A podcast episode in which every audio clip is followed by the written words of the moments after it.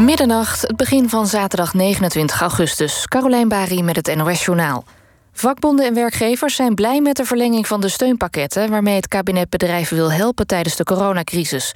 Wel zeggen de vakbonden dat bijscholing en begeleiding van werk naar werk... op tijd moet worden geregeld. Voor het derde steunpakket wordt 11 miljard euro uitgetrokken. De meeste regelingen uit eerdere steunpakketten blijven bestaan... maar worden versoberd. De gedachte is dat bedrijven die geen gezonde economische toekomst hebben... niet met steun overeind worden gehouden. Een Duitse rechter heeft een man veroordeeld omdat hij vorig jaar een moeder met haar zoontje voor een trein duwde in Frankfurt. De jongen van acht kwam om het leven. De dader heeft volgens de rechter ernstige psychische problemen en moet daarom de rest van zijn leven op een psychiatrische afdeling blijven. Voor een rechter in Londen heeft de leider van een mensensmokkelbende schuld bekend in een beruchte zaak. Die draait om 39 dode Vietnamezen die vorig jaar in Engeland werden gevonden in een koelvrachtwagen. De hoofdverdachte, een Ier, bekende schuld aan doodslag en het faciliteren van illegale migratie. De finale van Kennisquiz De Slimste Mens is gewonnen door NOS-presentator Astrid Kersenboom. Ze nam het in de eindstrijd op tegen NOS-sportverslaggever en commentator Jeroen Guter. Die werd tweede, operazangeres Francis van Broekhuizen werd derde. Vanavond zijn de eerste wedstrijden in het Nederlands betaald voetbal gespeeld... na een coronapauze van bijna een half jaar. De wedstrijd tussen FC Eindhoven en Jong FC Utrecht in de eerste divisie werd met 2-1 gewonnen door de Brabanders. De eerste goal sinds de betaald voetballoze maanden kwam op naam van de 19-jarige FC Eindhoven-speler Kai de Jong. Ook speelde Cambuur tegen NEC en dat werd 2-0 voor Cambuur. Het weer, de komende uren wat minder regen. Vannacht is het bijna overal droog, wel kan er een mistbank ontstaan. Langs de westkust kan het lokaal gaan onweren. Morgen breekt de zon zo nu en dan door en wordt het een graad of 19. Later op de dag ook in het binnenland regen, opnieuw met onweer en windstoten. Dit was het NOS Journaal. NPO Radio 1. VPRO. Nooit meer slapen.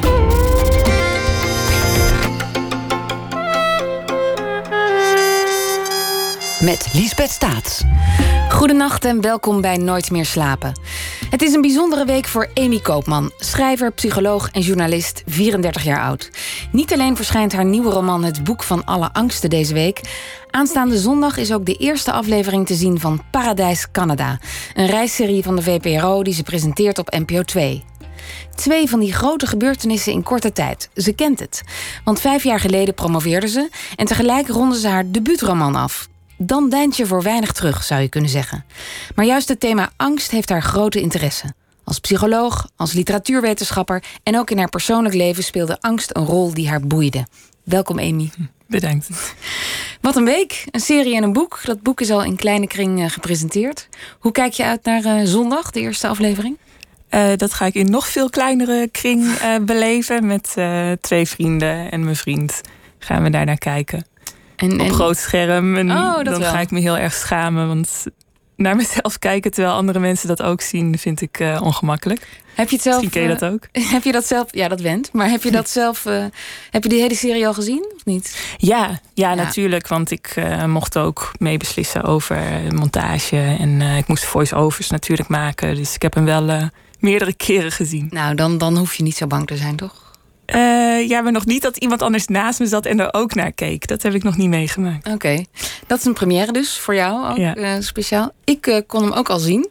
Het is, een, het is geen vrolijk reisprogramma op zoek naar barretjes en hangouts in Canada. Hm. Jullie gaan vanaf nou, de eerste paar minuten meteen diep de samenleving in en spreken grote thema's aan. Um, je hebt de serie gemaakt met regisseur Hans Pol. Naar welke vragen gingen jullie naar, op zoek? Ja, echt de grote vragen van deze tijd. Uh, maar de allereerste vraag eigenlijk was van, uh, van Hans: van hoe is het nou aan de andere kant van de grens? Want hij had net een programma over Amerika gemaakt. Um, en daar was Trump net uitverkozen. En dan had je aan de andere kant van de grens had je Trudeau. En dat leek toen het, uh, het ideale plaatje. Dus dat wilde hij vooral weten. Van, nou, is Canada nou echt het laatste fort van de beschaving? Of valt het wel mee. En hij, hij had eigenlijk echt gedacht van... nou, ga ik lekker op vakantie in Canada. dat, dat wordt ontspannen. En toen uh, werd toch vrij snel het idee in samenspraak van...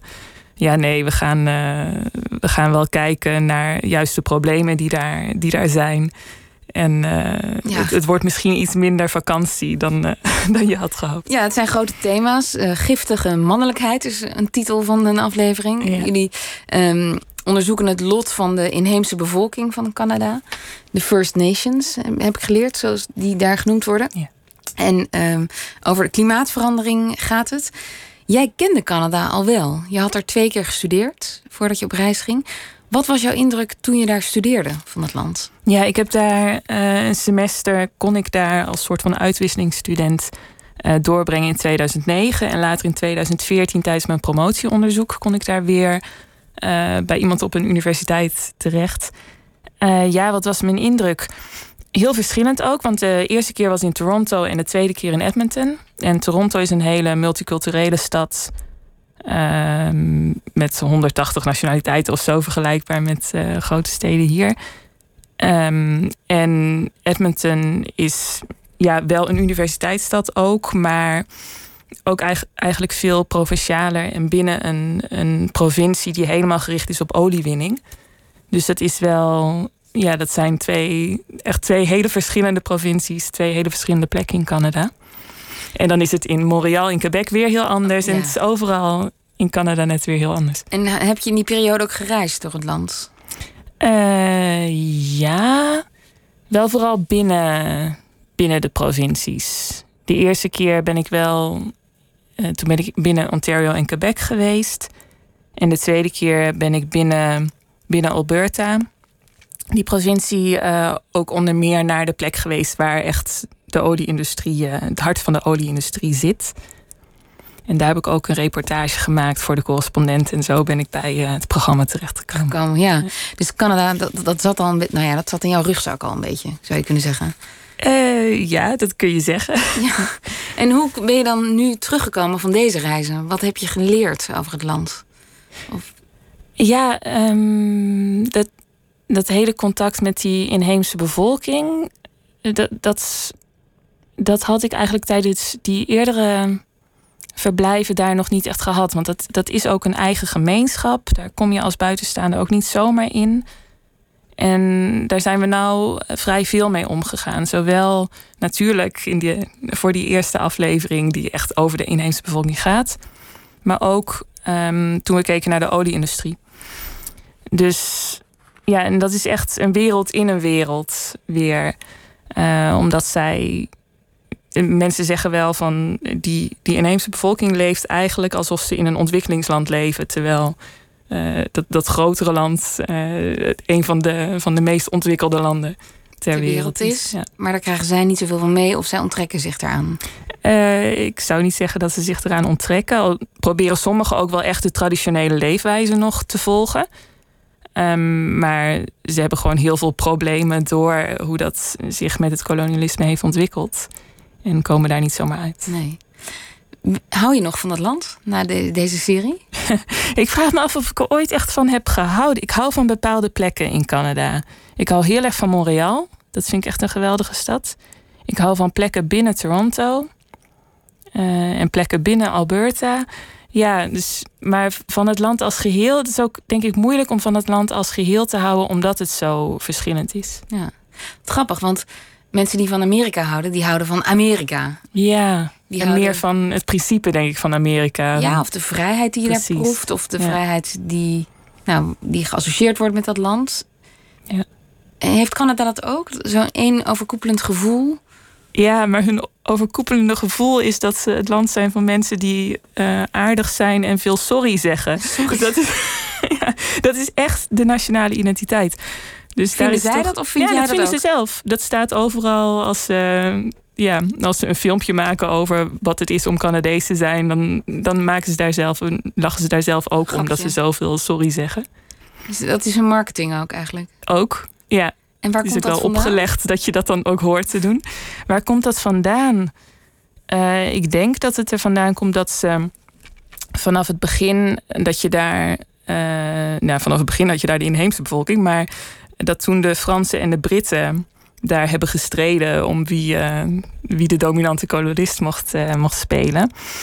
En dat die op een gegeven moment toch een beetje met elkaar door één deur moesten. En ook met andere bevolkingsgroepen die daar dan weer bijkwamen. Het is echt een migratieland. Dus dat je dan ook wat ruimte voor elkaar moet maken. Net Mhm. zoals dat Nederland een polderland is, omdat we anders zouden overstromen. Hebben ze daar ook de strijd tegen de sneeuw, tegen vreselijke winters. Dat bindt hen. Ja, maar ook dus al die verschillende groepen. En wat merk je dan van zo'n sorry-cultuur? Eh, heel letterlijk al, de, de eerste keer dat ik daar was in Toronto, dat eh, ik merkte dat ik toen ik tegen iemand op straat aanbotste, ik botste tegen diegene aan, maar die andere persoon zei sorry tegen mij. En dat is me daar wel meerdere keren overkomen. En dat kunt is ook dat ook- Canadees. Ja, je kunt het ook passief-agressief duiden, maar volgens mij is het echt hun automatisme om eh, heel snel sorry te zeggen. En hoe voel jij je dan? Als een soort lompe Europeaan of zo? Of, of, of is het zo je gaat er een beetje in denkt- mee. Ja, ja. ja. Ja. want ik vind zelf ook, ik ben zelf misschien ook een beetje, zeg ook te snel sorry, dus dan gaat dat heel natuurlijk. Je, hebt, je hebt voor die eh, serie ook eh, de schrijfster Margaret Atwood van The Handmaid's Tale gesproken. Wat zei zij over die cultuur? Over die sorry cultuur? Ja. Oh, zij, ja, zij heeft daar hele leuke dingen over geschreven. Want zij is ook wel een beetje eh, venijnig, altijd eh tong in cheek. Zij heeft onder meer geschreven in een verhaal. eh, het is een heel gek verhaal waarin marsmannetjes naar de aarde komen. En die spreken dan met paddenstoelen in Canada. En die paddenstoelen leggen uit wat de Canadese cultuur is. En die zeggen dan. ehm, ja, je kunt eigenlijk het, het verhaal over Canada kun je niet vertellen zonder een groep te beledigen. En eh, zodra dat verhaal dan is verteld, dan gaan ze heel veel sorry zeggen, omdat ze dan weer iemand hebben beledigd. Dat is Canada. Dus er is altijd iemand om je excuus aan aan te bieden. Dat is eh, de ziel van Canada. Wij kennen Canada vooral de laatste jaren van Justin Trudeau, de premier. Hij was een soort, ja, de, de- de golden boy, het antwoord op Trump. En vanuit dit continent gezien. Hoe is het met zijn imago in Canada? Ja, dat, eh, dat, dat hebben we volgens mij heel vaak tegen mensen al mogen zeggen. Er lijkt bijna een verlekkerdheid in te zitten vanuit Nederland. Van ja, nee, die Trudeau is het toch ook niet helemaal. We hebben nou dan de Nieuw-Zeelandse premier eh, om tegenop te kijken.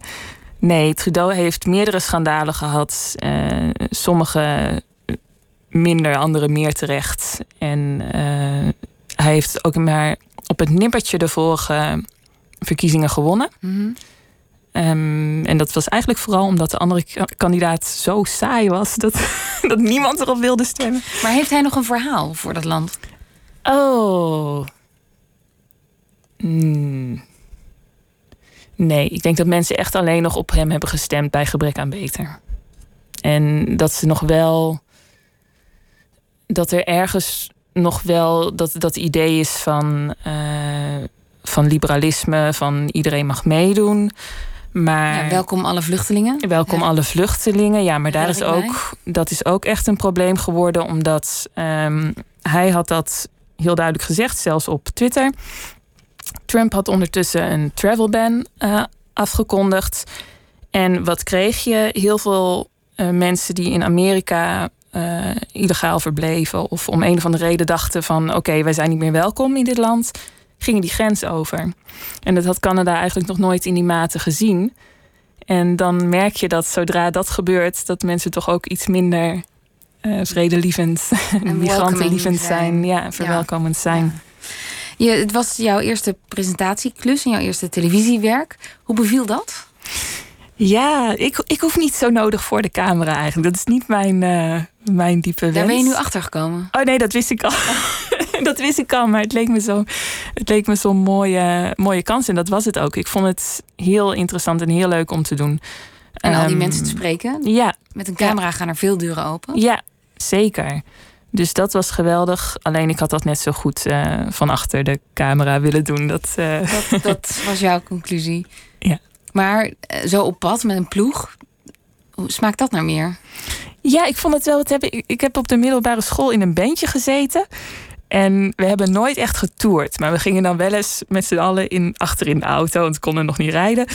Eh, ik kan nog steeds niet rijden, maar goed, anderen nu wel. Eh, en dan met z'n allen in de, in de auto van iemands vader naar een concertje. En dat, dat gevoel, dat vond ik ook wel met zo'n zo'n crew. Want het is maar een kleine crew. Eh, de cameraman, regisseur, de researcher, Sascha en de geluidsman en ik. En dan soms nog een fixer van daar. Dus echt heel beperkt Klein met z'n allen in één, ja, in één auto. Ja, dat, En dan- dat is geweldig, toch? Ja. ja. Ja. ja. Nou, jullie laten in die serie Paradijs Canada vanaf zondag dus. De, nou, dat, jullie laten zien dat Canada mooi en vriendelijk is, maar ook een soort donkere kant heeft. Een soort ehm, angstige kant ook. En toen ik de eerste afleveringen keek, dacht ik: het is eigenlijk helemaal niet zo toevallig dat jij op die thema's misschien bent uitgekomen met eh, Hans. Want die angst lijkt in jouw werk een grote rol te spelen. Bijvoorbeeld in je boek, het, nou ja, het boek van alle angsten, staat wel heel groot op de cover. Ehm, Fana, dat is een van jouw hoofdpersonen. Zij werkt op een angstafdeling van een GGZ-instelling. En ik las dat jij zelf ook als stagiair op zo'n angstafdeling hebt eh, gewerkt. Eh, als student psychologie. Wat gebeurt er eigenlijk precies op een angstafdeling? Wat gebeurt er op een angstafdeling? Nou, op deze in elk geval, want dit was dus een GGZ-instelling die eh, zich. Ja, die zo werkt dat ze de stoornissen opdelen per afdeling. Dat doet ook niet eh, elke instelling. Ehm, dus we hadden echt mensen gespecialiseerd in angst. En dan draaide je dus ook je angstprotocol af. Ehm, en dat is ja, cognitieve gedragstherapie voor angst is exposure. Dat is mensen blootstellen aan datgene waar ze bang voor zijn. Eh, en dat, dat zit ook gewoon in het boek. Want ik denk niet dat dat heel erg gaat veranderen. Dat, eh, dat dat het protocol is? ja, ja dat, dat je als mensen ergens bang voor zijn, dat ze dan in stapjes eh, daaraan bloot worden gesteld. En dat ze zich van tevoren moeten inbeelden van nou, wat is nou het ergste dat kan gebeuren? Wat is jouw rampscenario? En dan merk je of dat wel of niet uitkomt. En de bedoeling is natuurlijk dat dat niet uitkomt. En eh, dat daardoor je angst daalt. Dat je telkens merkt, oké, het is niet zo erg als ik... eh, En, en hoe gaat dat dan in de praktijk? Je, je blootstellen aan zo'n eh, aan iets waar je bang voor bent? Ja, het makkelijkste is als je een specifieke fobie hebt. Dus als je bijvoorbeeld bang bent voor hoogtes of spinnen of het flauwvallen in het openbaar vervoer. Oh ja, dat is ook een bekende. Dat is een angst. bekende angst, ja. En eh, dan, dan ga je dus. Nou, als, je, als het hoogtes zijn, dan ga je steeds wat hoger. Samen met. eh, ik was daar stagiair en ze draaiden daar ook echt op die afdeling op stagiairs. die met die mensen mee moesten om, eh, om dat allemaal te doen. Want voor een, ja, een klinisch psycholoog is dat. best wel dure uren die je dan draait. En de Want stagiairs doet- konden dat mooi doen. Oh, en wat doet de psycholoog dan? De gesprekken. Ja, ja, Ja. En hoe vond jij dat als stagiair? Want dan ben je nog in opleiding letterlijk. Ja. Om, om dan mee te gaan met mensen die dan blootgesteld worden aan die angsten. Best wel heftig lijkt me. Ehm, soms wel, ja. En ook, want er was ook een keer echt gebeurd dat iemand. Toen waren we met z'n tweeën zelfs. En toen eh, waren we met iemand in de metro. En eh, die kreeg echt een paniekaanval. En kon dat. Eh, dat. Dat is op zich niet erg als je een paniekaanval krijgt. Dat is juist iets waar mensen aan- dan weer aan zouden moeten wennen. Eh, maar zij vond dat. Dat was voor haar juist echt het ergste wat, wat kon gebeuren. En dat, eh, daarmee was ze weer helemaal terug bij af. En ja, wij zaten daar als stagiairs en hadden nog niet eerder Nee, dat in het dan? openbaar meegemaakt. 20 of zo. Ja, ik was wel. Hoe oud was ik? Oh, ik ben heel slecht in rekenen. Zeker onder druk. Maar ja, ik was ergens halverwege Ja, de twintig. Ja. Dat viel bij mij nog wel mee. Maar... En Fana, jouw eh, hoofdpersoon in het boek, haar angstafdeling zit heel hoog ergens in een gebouw. Ja. Op de hoogste verdieping. Ja. De 37e verdieping uit mijn hoofd. Eh, en daaronder heb je alle andere stoornissen geplaatst. Dus depressie. Waarom heb je angst op de hoogste verdieping geschreven, bedacht? Ja, dat was gemeen. Want dat is dus juist voor.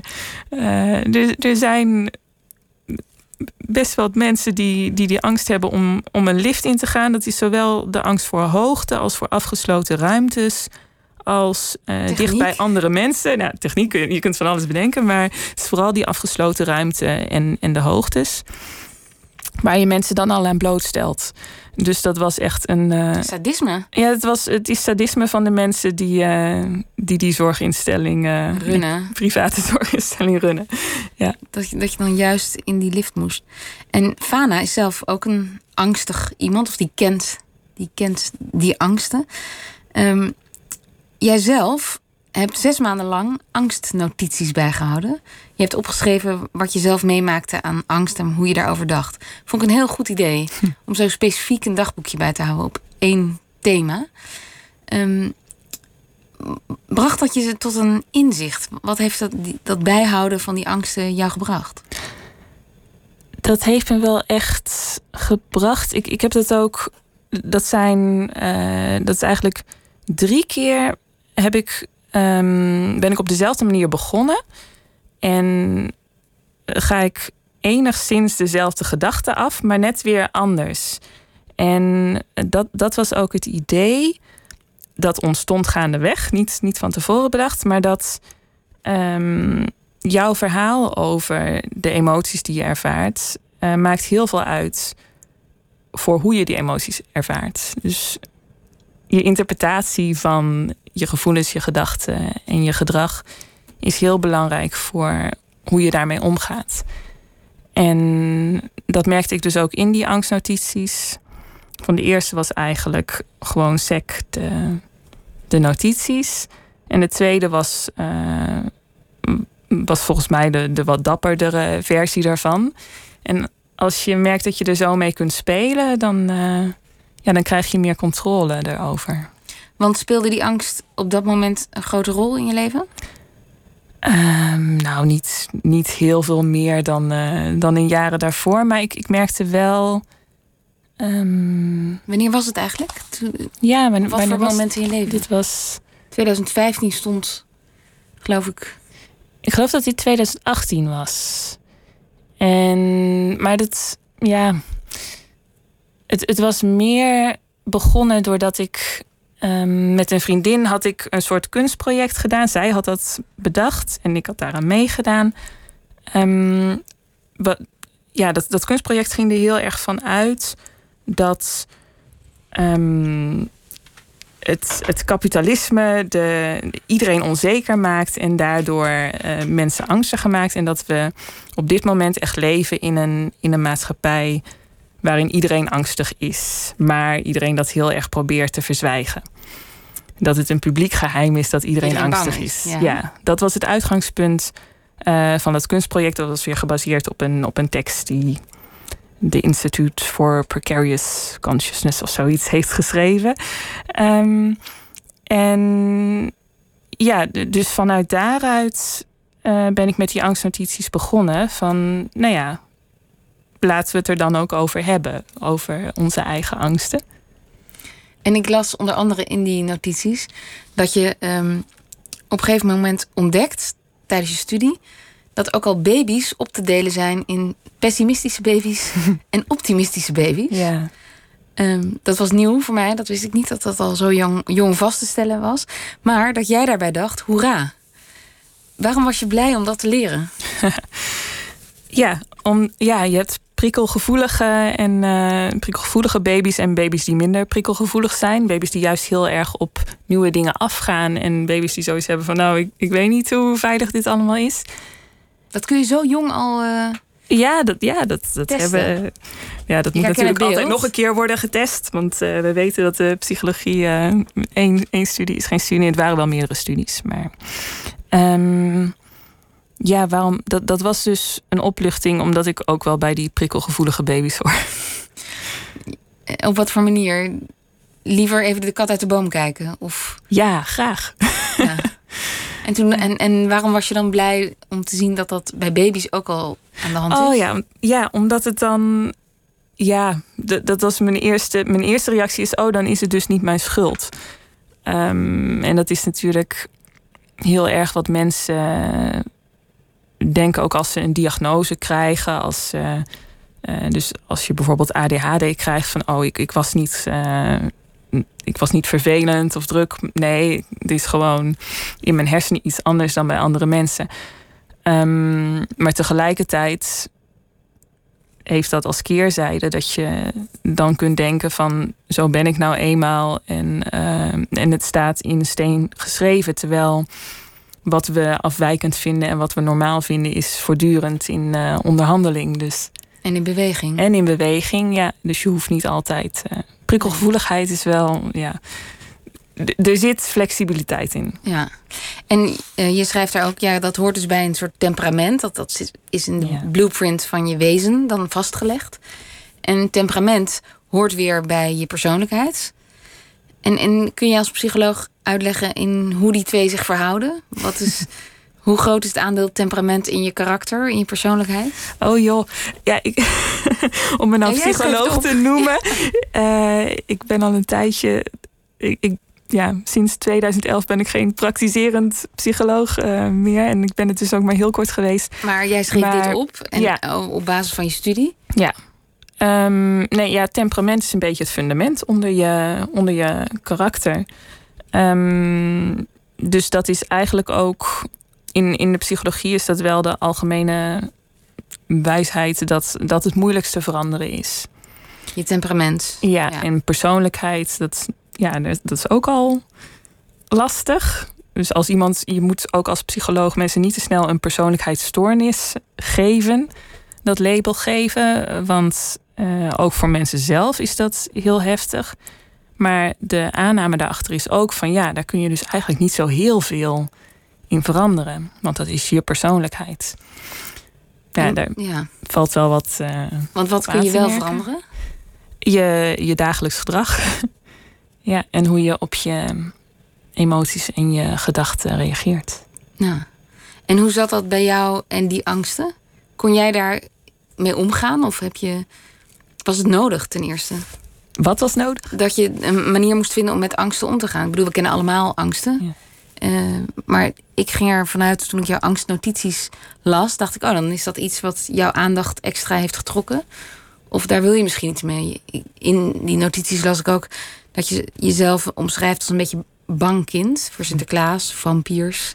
En uh, de reus uit de GVR, geloof ik. van die klassieke kinderangsten. ja, precies. Dat is heel uh, normaal ook waarschijnlijk. Maar je weet, je weet ook niet zo goed. Maar daarom is het ook, je weet niet zo goed wat normaal is en wat niet normaal is. Um, dus daarom vond ik dat uitgangspunt ook zo mooi van dat, dat kunstproject en van die tekst die daar weer achter zat. Van laten we het er gewoon over hebben van wat onze angsten zijn. En uh, dan komen we elkaar misschien weer tegen. Ja. Nog over jouw boek, het boek van alle angsten. Eh, de vraag noemde je al even. Wat is het ergste dat kan gebeuren? Dat wordt gebruikt in de exposure therapie. Mensen die behandeld worden voor een angststoornis. Die vragen heb jij ook gebruikt bij het schrijven van deze roman. Waarom werkte die voor jou? Waarom die vraag werkt? Ja, voor, voor dit boek? Ja, um, omdat voor, voor een dystopie is dat eigenlijk, denk ik, sowieso de vraag die schrijvers zichzelf dan stellen. Van laat ik nou eens het scenario uitwerken van uh, je hebt bepaalde ontwikkelingen. Wat is nou het ergste wat er kan gebeuren als dat zo doorgaat? Ja, want dat moeten we dan, dan nog even uitleggen. Op een gegeven moment is er sprake van een nieuwe wereldorde. En dan herkennen we leiders een beetje à la Trump en Bolsonaro. Uh, maar dan doorgetrokken. Ja. En dat is, een, dat is de gedachte die jij, de gedachteoefening die jij hebt gemaakt. Ja, en dat het veel meer in het dagelijks leven ook zit. Want je je kunt een hele nare leider hebben, maar dan, dan heeft vaak één groep daar heel erg last van en andere minder. Maar deze hele samenleving is erop ingericht um, dat het recht van de sterkste geldt. Dus dat je voortdurend moet opletten of jij niet uh, de zwakke bent in, in de groep waar je op dat moment bent. Ja, en jouw hoofdpersonages, Vico en Fana, die vragen zich dit het af: hoor ik er wel genoeg bij? Hoe, ja. moet ik zelf veranderen om erbij te horen? En um, over die angst, wat natuurlijk een prima bodem is voor uh, de macht van dit soort leiders. Ja. Angst werkt heel goed als je aan, als populist aan de macht wil komen. Je schreef in de Volkskrant een pleidooi voor angst, eigenlijk. Je zei, ja, we moeten ons aanleren om die angst niet weg te drukken. En er ook niet voor weg te rennen. Maar dat vond ik een hele mooie formule. We moeten beter leren bang worden. Beter bang worden. beter bang leren zijn. Ja, wat bedoel je daarmee? Ja, uh, dat, dat, dat geldt voor de meeste emoties. Je kunt er pas echt wat mee als je dat onder ogen ziet. Als je je realiseert, oké, dit voel ik. A, dit voel ik. Uh, B, waar komt dat vandaan? Uh, bij angst is het ook altijd van, nou, hoe redelijk is dit eigenlijk? Dat geldt trouwens ook voor woede, dat geldt ook voor, voor andere emoties. Um, en daar dan, ja, dan, dan heb je het eigenlijk weer als een, als een ding in je handen van oké, wat, wat moet ik hiermee? Wat kan ik hiermee? En dan, dan is die emotie minder de baas over jou en jij weer iets meer de baas over die emotie. Maar dat klinkt best rationeel. Ja. Als je er al zo naar kan kijken. Ja, precies. Dus mijn vriend zegt ook van... Uh, nou, op, uh, op de ergste momenten is dit gewoon helemaal niet, niet aan de orde. En dat is ook gewoon zo. Als jij midden in je paniekaanval zit... dan kun je alleen maar... dan voel je alleen maar... en dan kun je daar niet over nadenken. Maar op veel momenten kan dat wel. Dus. Maar bijvoorbeeld, we hadden het net over die angstafdeling waar jij werkte... waar mensen voor diverse fobieën en uh, angsten behandeld werden...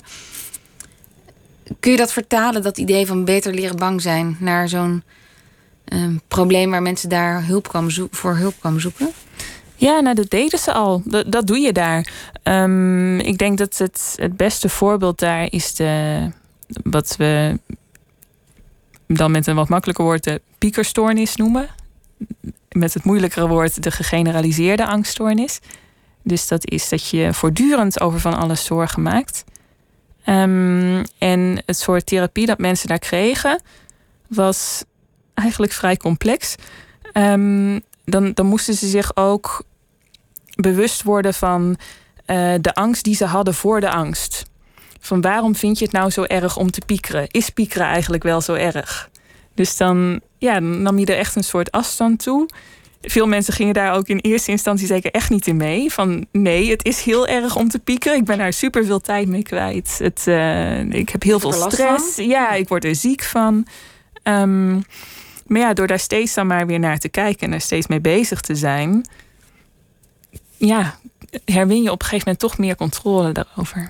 En lukt dat ook met mensen met een paniekaanval, paniekstoornis? Want dat lijkt me zo heftig. ja, is ook paniekaanval. Al je redelijke gedachten, lijkt me. Dat is heel erg uh, dat je dat gevoel moet leren verdragen. En uh, ik heb zelf nooit echt een hevige paniekaanval gehad. Dus ik, uh, ja, ik, ik vind dat ook lastig om, om dan te zeggen dat je moet dat gevoel leren verdragen. Ja, ik weet niet hoe vreselijk dat wel niet is. Um, maar dat, dat geldt ook bij hypochondrie. Dat je, dat, je toch meer leert te ontspannen terwijl jou al die, al die dingen in jouw lichaam overkomen. En dat beter bang leren zijn. Um, ja, we leven in een coronacrisis. Angst is overal. Het is, geldt dat ook voor ons als volk of als, als land in, in dit soort crisis? Ja, ik vind dat Nederland juist niet zo bang is. Het is heel erg, dat, maar dat schreef ik ook in dat Volkskrant-artikel. Het is heel gespleten. Aan de ene kant zijn mensen het heel erg aan het wegdrukken. En dan krijg je dus van die mensen die ook er een complottheorie van gaan maken. Omdat ze, volgens mij komt dat doordat je de angst niet wil toelaten. Uh, dat je dan de theorie maakt van waarom het allemaal niet zo erg is of niet waar is. Mhm. Of aan jou in elk geval, ja, het zal aan jou voorbij gaan.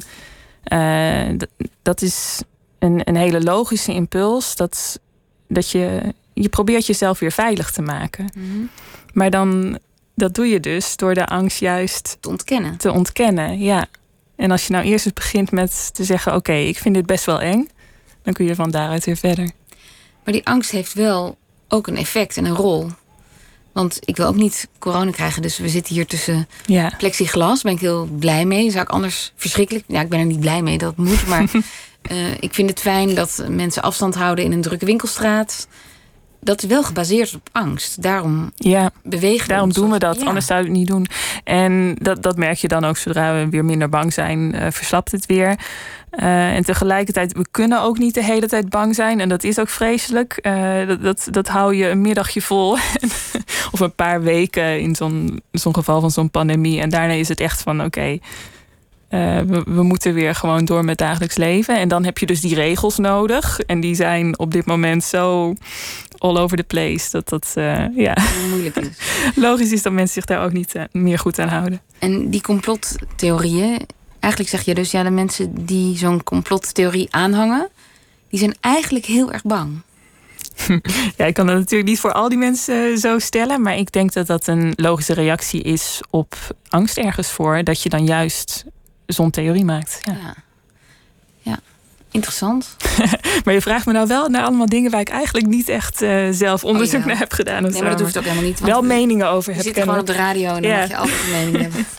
Over angsten, dan uh, laten we corona even voor wat het is.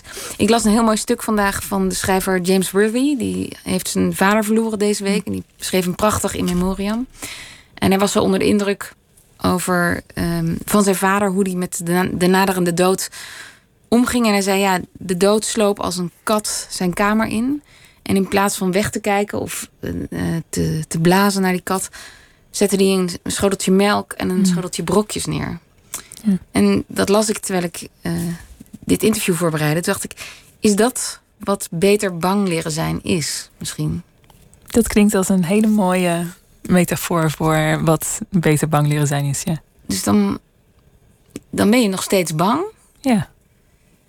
Maar je zegt wel, nou kom maar binnen. Ja, je gaat ermee om. Ja. ja. Dus ik vind het wel verlicht als je dat kan, kunt. Ja, het is ook heel erg mindfulness volgens mij. Ja. ja. Ja. Nou ja, dat is ook psychologie, toch? Ja, tegenwoordig. Ja. Nee, maar vanaf het begin al. Ja. We gaan naar muziek luisteren. Um, een nummer op jouw verzoek, Arcade Fire, Canadese band. Ja. Uh, Normal Person. Waarom dit nummer? Ja, het is ook een motto van, uh, van mijn boek, het boek van alle angsten. Want uh, ik, ik vind het gewoon heel interessant om te kijken, wat is nou een normaal persoon? Hoe, ja, hoe onderhandelen we dat als samenleving wat normaal is? En daar gaat dit nummer over? Daar gaat dit nummer over. Arcade Fire.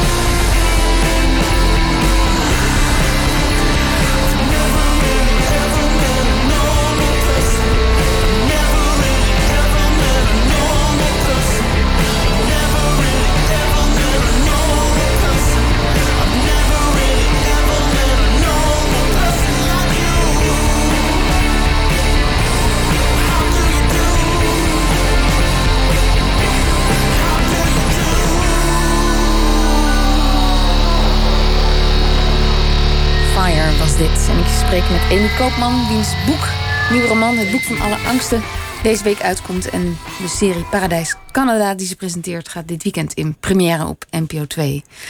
Normal Person. Ja, Wat is een normal person? geen idee. In de jaren, was het 60 of 70?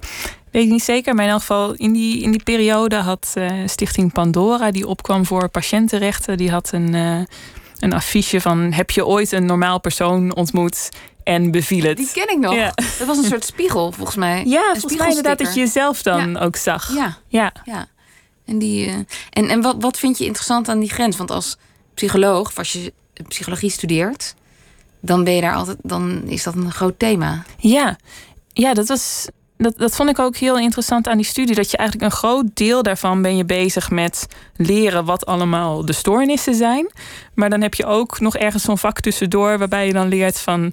Ja, maar dat zijn we wel met elkaar aan het verzinnen. Wat, wat symptomen zijn. En, het Ja, wie is wel, dat eigenlijk? Ja, precies. Er zit ook wel een relativering in eh, Ja. tijdens de studie. En je bent ook literatuurwetenschapper en daarin ben je gepromoveerd. Ja. En je bent gepromoveerd op het onderwerp literatuur en empathie. Wat, wat wilde je onderzoeken? Oeh. Ehm, net weer een ander onderwerp. Dat. dat Nou ja, omdat ik, kan me, die, ik vind die twee vakken eigenlijk best dicht bij elkaar liggen. Je bestudeert alle twee menselijk gedrag. Eigenlijk. ja, maar vanuit een hele andere invalshoek. En dat, dat viel me toen ook op. ehm, en ook een beetje tegen dat je in de geesteswetenschappen zo'n andere methode gebruikt dan in de sociale wetenschappen. Sociale wetenschappen is echt positivistisch. Dus je probeert, ja, je probeert feiten te verzamelen. En eh, daar is ook wel weer het besef van. Nou ja, we zijn geen natuurwetenschappen. En zelfs de natuurwetenschappen hebben geen, eh, geen kristalharde feiten. Ehm, maar dat je. Ja. Wat, ik dus eh, bij dat onderzoek deed naar literatuur en empathie was vanuit een psychologisch, vanuit een psychologische methode. Dus ik ging dan surveys eh, en experimenten doen. Dus ik ging lezers vragen van of ze bij de ene tekst dan meer emoties hadden ervaren dan bij de andere tekst. Ja, dat is eh, voor de meeste literatuurwetenschappers is dat absoluut niet hoe zij. eh, Nee, dat is, gaat bezig over de zijn. tekst. Ja, dan gaat heel erg over de tekst. En Ja. dat vind ik stiekem zelf ook wel interessanter. Want dan kun je zelf heel erg nadenken met je analyses. En eh, het is eigenlijk nooit fout. Nee. Ja. En je, ehm, onder andere deed je dat onderzoek aan de hand van Tonio. De roman Het Monument, het Requiem. Dat AFD van H. van der Heijden schreef voor zijn eh, overleden zoon Tonio. En de teksten van Anna Enquist. Die over haar dochter, overleden dochter gingen. En wat, wat je, je onderzocht ook wat mensen dan aantrok in het lezen van verhalen over andermans verdriet. Ja. Wat antwoorden die mensen? Ehm, onder andere. ehm, er zat heel veel. Bij Tonio zat er heel veel nieuwsgierigheid in. En dan zie je ook echt dat effect van dat iemand al een bekende Nederlander is. En dat mensen toch even willen spieken van wat is daar gaande. Ehm, Nou, even spieken. Het is best wel Ja, pagina's is volgens mij, die het is wel een Ja. pil. Ja. Ehm, en ook wel. Ook wel heel erg eh, van, oké, hoe maakt hij daar literatuur van? Dat was, was ook iets wat mensen heel graag wilden, wilden zien. Ehm, en dat was ook wel een, een diepere behoefte van, ja, hoe, hoe ga je om met, met rouw? Hoe geeft iemand daar woorden aan? Eh, kan ik mezelf daarin herkennen? Eh, ja, dat, dat zijn wel belangrijke menselijke behoeften. We blijven maar lezen over het leed van anderen. eh, toch in de hoop ja, dat we daar iets in. Herkennen? of- Vooral, vooral in herkennen, toch? Ja. En leren misschien? En leren. eh, ja, dat je, dat je meer te weten komt over. eh, heel groot gezegd, de, de menselijke conditie van, van het, het hele spectrum van mens zijn. Dus daar zit bijna, ja, angst en fascinatie raken elkaar daar misschien een beetje. Ehm, maar ik wil dat niet veroordelen. Ik heb het zelf ook heel erg dat ik ook graag, Mhm. ja, wel. Het is ook een beetje bezweren misschien. Van als, ik, als ik het boek lees over Tonio, dan op dat moment overkomt het mij niet. Maar het waren juist de ouders, in, in de, ook de studie bij Anne Enquist, die eigenlijk met veel meer weerstand reageerden. Van ik wil dat liever niet lezen. Of zelfs er negatief over waren. Ehm, veel meer dan mensen in de studentengroep. En hoe verklaar je dat? Omdat het dan te dichtbij komt. Dat je toch niet wil nadenken over die mogelijkheid dat jij een kind zal verliezen. Ja. En heb je ook onderzocht waarom schrijvers over dit onderwerp schrijven? Eh, dat heb ik niet onderzocht, maar het is een, eh, een vrij logische reflex van schrijvers om te schrijven over datgene wat ze meemaken. En waar ze mee bezig zijn. Ja, dat, eh, Ja. en dat speelde bij hen, dus daar blijft ze over schrijven. Maar niet alle schrijvers die rouw of verlies meemaken, maken dat tot een hoofdthema in een boek. Nee, maar veel wel. En zeker als het. ehm, zeker als iemand een kind heeft verloren, volgens mij. Ja, dat is ook wel het allerergste. Hè? Wat, eh, Ja, is de hiërarchie van leed of zo. Oh. nou komen Nou ja. we in een lastig gebied. Ja, Wat is het allerergste? Maar nee, laten we geen hiërarchie Maar- van lijden maken. Iedereen is wel over eens dat dat wel aan de ene kant van het spectrum staat, toch? Nee, ja. Denk ik. Ja. En, ehm, en, en hoe, is- hoe is dat bij jou zelf? Want je bent ook schrijver. Ik kan jou hier als psycholoog, als schrijver, als wetenschapper, als reisjournalist aanspreken. Hoe, hoe zie jij dat? Waar, waar schrijf jij graag over? Kijk, het boek van alle angsten, ja. dat is ook niet voor niets, kan me voorstellen. Nee, en we hadden het net al heel kort over dat eh, normaal, abnormaal. Wat is, wat is afwijkend in de maatschappij? En dat zit in mijn eerste roman ook. Die, die gaat ook heel erg over de antipsychiatrie van de jaren zeventig. Dus over, eh, ja, over die beweging waar Pandora dan ook in kon zeggen van wat is nou normaal? Ja. Ja, ja dat, dat, in die tijd was het veel meer de maatschappij waarnaar gewezen werd als die is gek, eh, daar is iets mis mee, dan de mensen zelf. Mhm. En dat is enerzijds heel mooi en ook eh, heel waar, denk ik. Eh, en anderzijds heb je nog steeds mensen die in een psychose belanden en dat dat ontzettend eh, angstaanjagend is ook voor henzelf. En ja, tenzij je een, een ruimte hebt waarin iemand sjamaan kan zijn met, met zo'n soort psychose, is dat toch al eh, snel iets wat je ook weer niet te veel moet romantiseren als wat er in die tijd gebeurde. Als een, een reis door de ziel en Verlichting. verlichting. Ja. En zitten jouw eigen angsten in dit boek? Eh, er zitten denk ik wel eigen angsten in het boek. ja, joh. Ehm, nou, het, is gewoon een uitwerking van eh, wat ik op dat moment ook dacht: oké, dit speelt nu in de maatschappij. Ehm, de hele opkomst van de, van de alt-right, wat voor vrouwen ook eh, niet, niet al te vrolijk eruit ziet. Dus daar, daar wilde ik wel verder mee met dat uitdenken van eh, hoe zou zo'n zo'n maatschappij eruit kunnen zien als dat Ja. nog sterker wordt. Want is dat voor jou een concreet angstbeeld? Op dat moment in elk geval wel. Het was echt 2016 dat ik hieraan begon. Dus Trump was ook net verkozen. Ehm, ja, maar het is denk ik juist doordat ik dan zo'n boek heb geschreven... dat ik misschien ook net als mensen in de coronastand ga van... eh, ja, nee, het zal wel niet. Ik heb, ik heb er nou... Ik heb er wat mee gedaan en... eh, Je hebt het gesublimeerd. ik heb het gesublimeerd. En nu bestaat het misschien minder voor je. Ja, nou bestaat het minder voor mij, maar ehm, ik word wel weer alert als het, eh, als het weer dreigt. Ja. Jouw hoofdpersonages, die, eh, dat zijn gevoelige mensen Ja. met een rijk gevoelsleven. En die moeten zich zien staande te houden in een maatschappij die verhardt. En de vraag die daar de hele tijd boven hangt is: ja, verander je mee? Word je zelf ook harder als je opgroeit in zo'n maatschappij of blijf je jezelf? Ja. En hoe zie jij dat? Denk jij dat als jij als jouw nachtmerrie dan waar wordt en de maatschappij verhardt en we komen in een soort alt-right stroom terecht eh, die niet meer keert, denk je dat jij dan ook mee verandert? Oeh. dat is heel moeilijk te, te zeggen voor jezelf. Ehm, ik denk niet dat ik daar immuun voor zal zijn. Maar ik ben wel eigenwijs. Dus ik denk dat ik juist ook inga tegen wat op dat moment een beetje de norm is. En tegelijkertijd, ja, nee, ik weet het, ik kan dit niet beantwoorden. Nee. Te ingewikkeld. Maar dat, dat zat ook in dat liedje van, van Arcade Fire. Van, ehm, hij zegt eh, volgens mij: Am I cruel enough to be a normal person?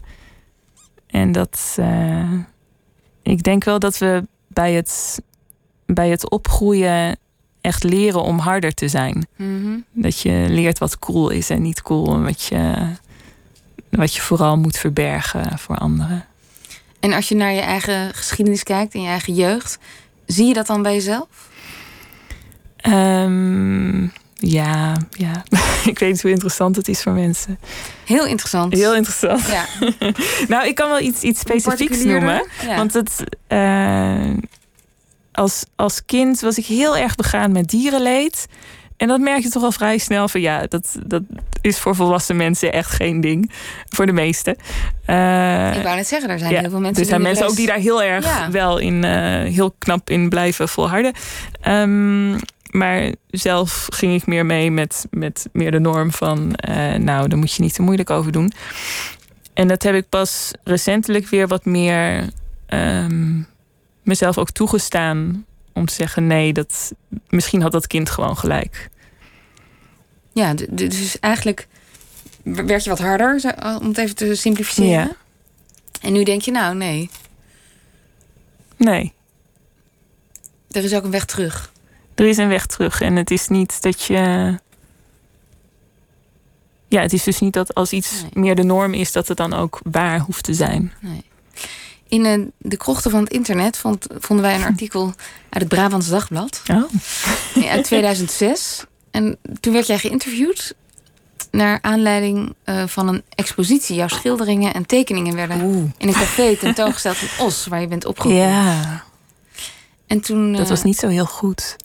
Wat, dat werk Die te- ja, of dat artikel. die tekeningen. Oh, nou, ik heb ze niet gezien. Ik kan daar niet over oordelen. Maar de verslaggever tekende op dat er iets donkers en sinisters over dat werk hing. Hmm. Ja. En ehm, nou, ik las dit boek. En eh, las jouw fascinatie met die grote thema's eh, in Canada. Is dat nog steeds aanwezig bij jou? In hoeverre is dat nog een, een thema? Dat, dat de aantrekkingskracht tot het donkere? Of, Ehm, je bent als puber een tijdje gothic geweest. weekend gothic. Ja. En dat is wel ook. Dat staat ook in de angstnotities. Dat is wel een hele geruststellende wereld ook. Dat is eigenlijk heel fijn. Dat je, dat je flirt met dat duistere. En dat je daardoor weer een beetje, nou ja, weer die controle krijgt. Ehm, maar nee, dat heb ik niet meer zo. Ik heb denk ik nu genoeg echte ellende meegemaakt om, om er niet meer mee te hoeven flirten.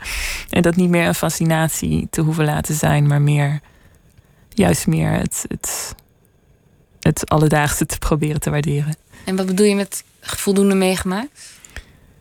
Eh, ja, ik heb kanker gehad en mijn vader is overleden. En eh, ja, dus dat. eh, Nou, dat zijn twee grote gebeurtenissen. ja. Ja. En, en, en word je daar, ja, je, je zegt het best monter, maar word je daar dan iets opgeruimder of gerust ehm, van? Of stelt dat je op de een of andere manier gerust, zodat je dat dan niet meer zoekt in gothic of schilderen?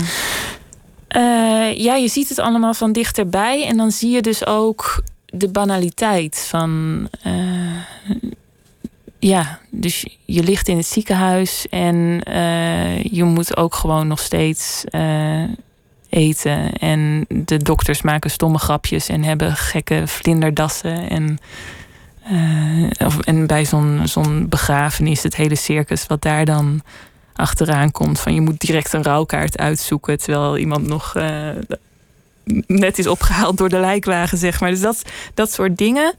Ehm, ja, dat maakt denk ik dat je. Dat je, dat je meer kunt relativeren en meer. bijna dus de humor inziet van, eh, van de, de zware dingen in het leven. Het is ook een soort exposure therapie. dat klopt, ja. Ja. Ja, desondanks of zo. Niet omdat je dat vrijwillig aangaat. Nee. ik denk dat dat vaak zo gaat. Dat mensen niet vrijwillig hun, eh, hun angsten onder ogen gaan zien. Nee. En is dat volwassen worden of zo? Ja, dat denk ik. Ja. En niet per se verharden dan. Maar Nee, want dat vroeg ik me Ja. net af. Als je dat allemaal meemaakt, word je daar. Is dat hetzelfde als harder worden? Of verharden? nee, dat niet, denk ik.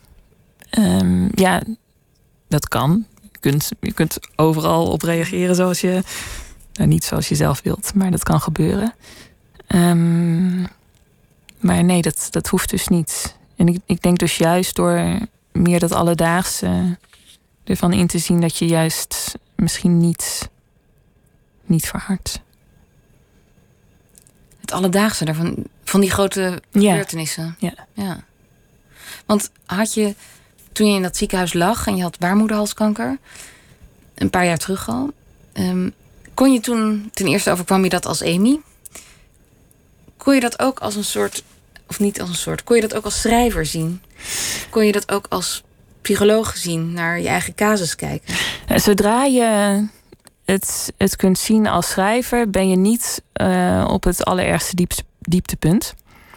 Ehm, maar ik kon het wel vrij snel eh, op, op, op de andere momenten, zeg maar, de- tijdens de onderzoeken. Of, dus niet op het moment dat je je diagnose krijgt, of op het moment dat je ehm, nou, net uit een operatie komt.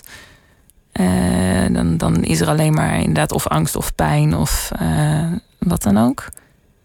Maar ja, dus als je, als je in een scanner ligt en daar wordt eh, een radioprogramma gedraaid met weet ik wat voor gekke reclames, dan, dan ga ik daarna dat wel noteren. Ja. En, en, en als psycholoog? Als psycholoog, nee, daar was ik minder mee bezig. Ik was er meer als schrijver mee bezig van wat, wat is dit? En eh, oh, dit is, dit is een interessante situatie. Dit, dit is iets geks. Laat ik dat even noteren. En in hoeverre is dat dan iets waar je iets aan hebt? Een beetje een. Ja, dat is lastig, hè? Waar Ja. heb je? Ja, Moet het gelijk weer nuttig zijn? Ehm, ja, nee, dat weet ik niet. Of je er iets aan hebt. Eh, nou ja, het feit dat je iets kan opschrijven.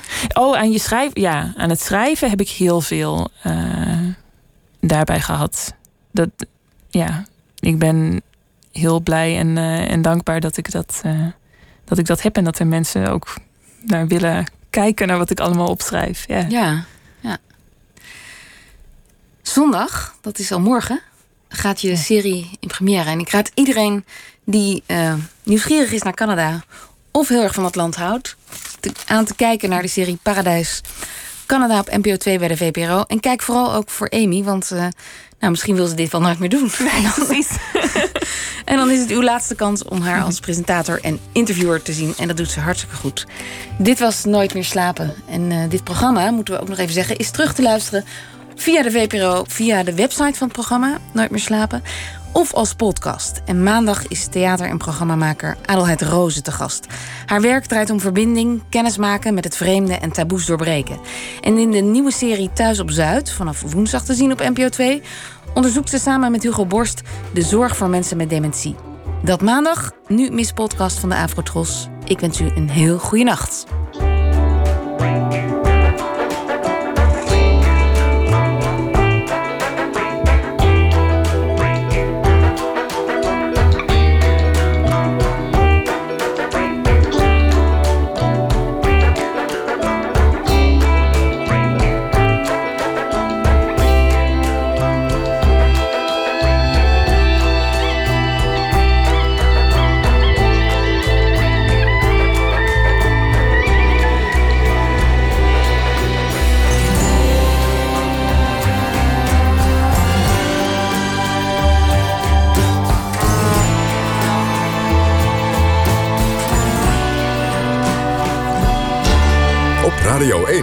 Het nieuws van alle kanten.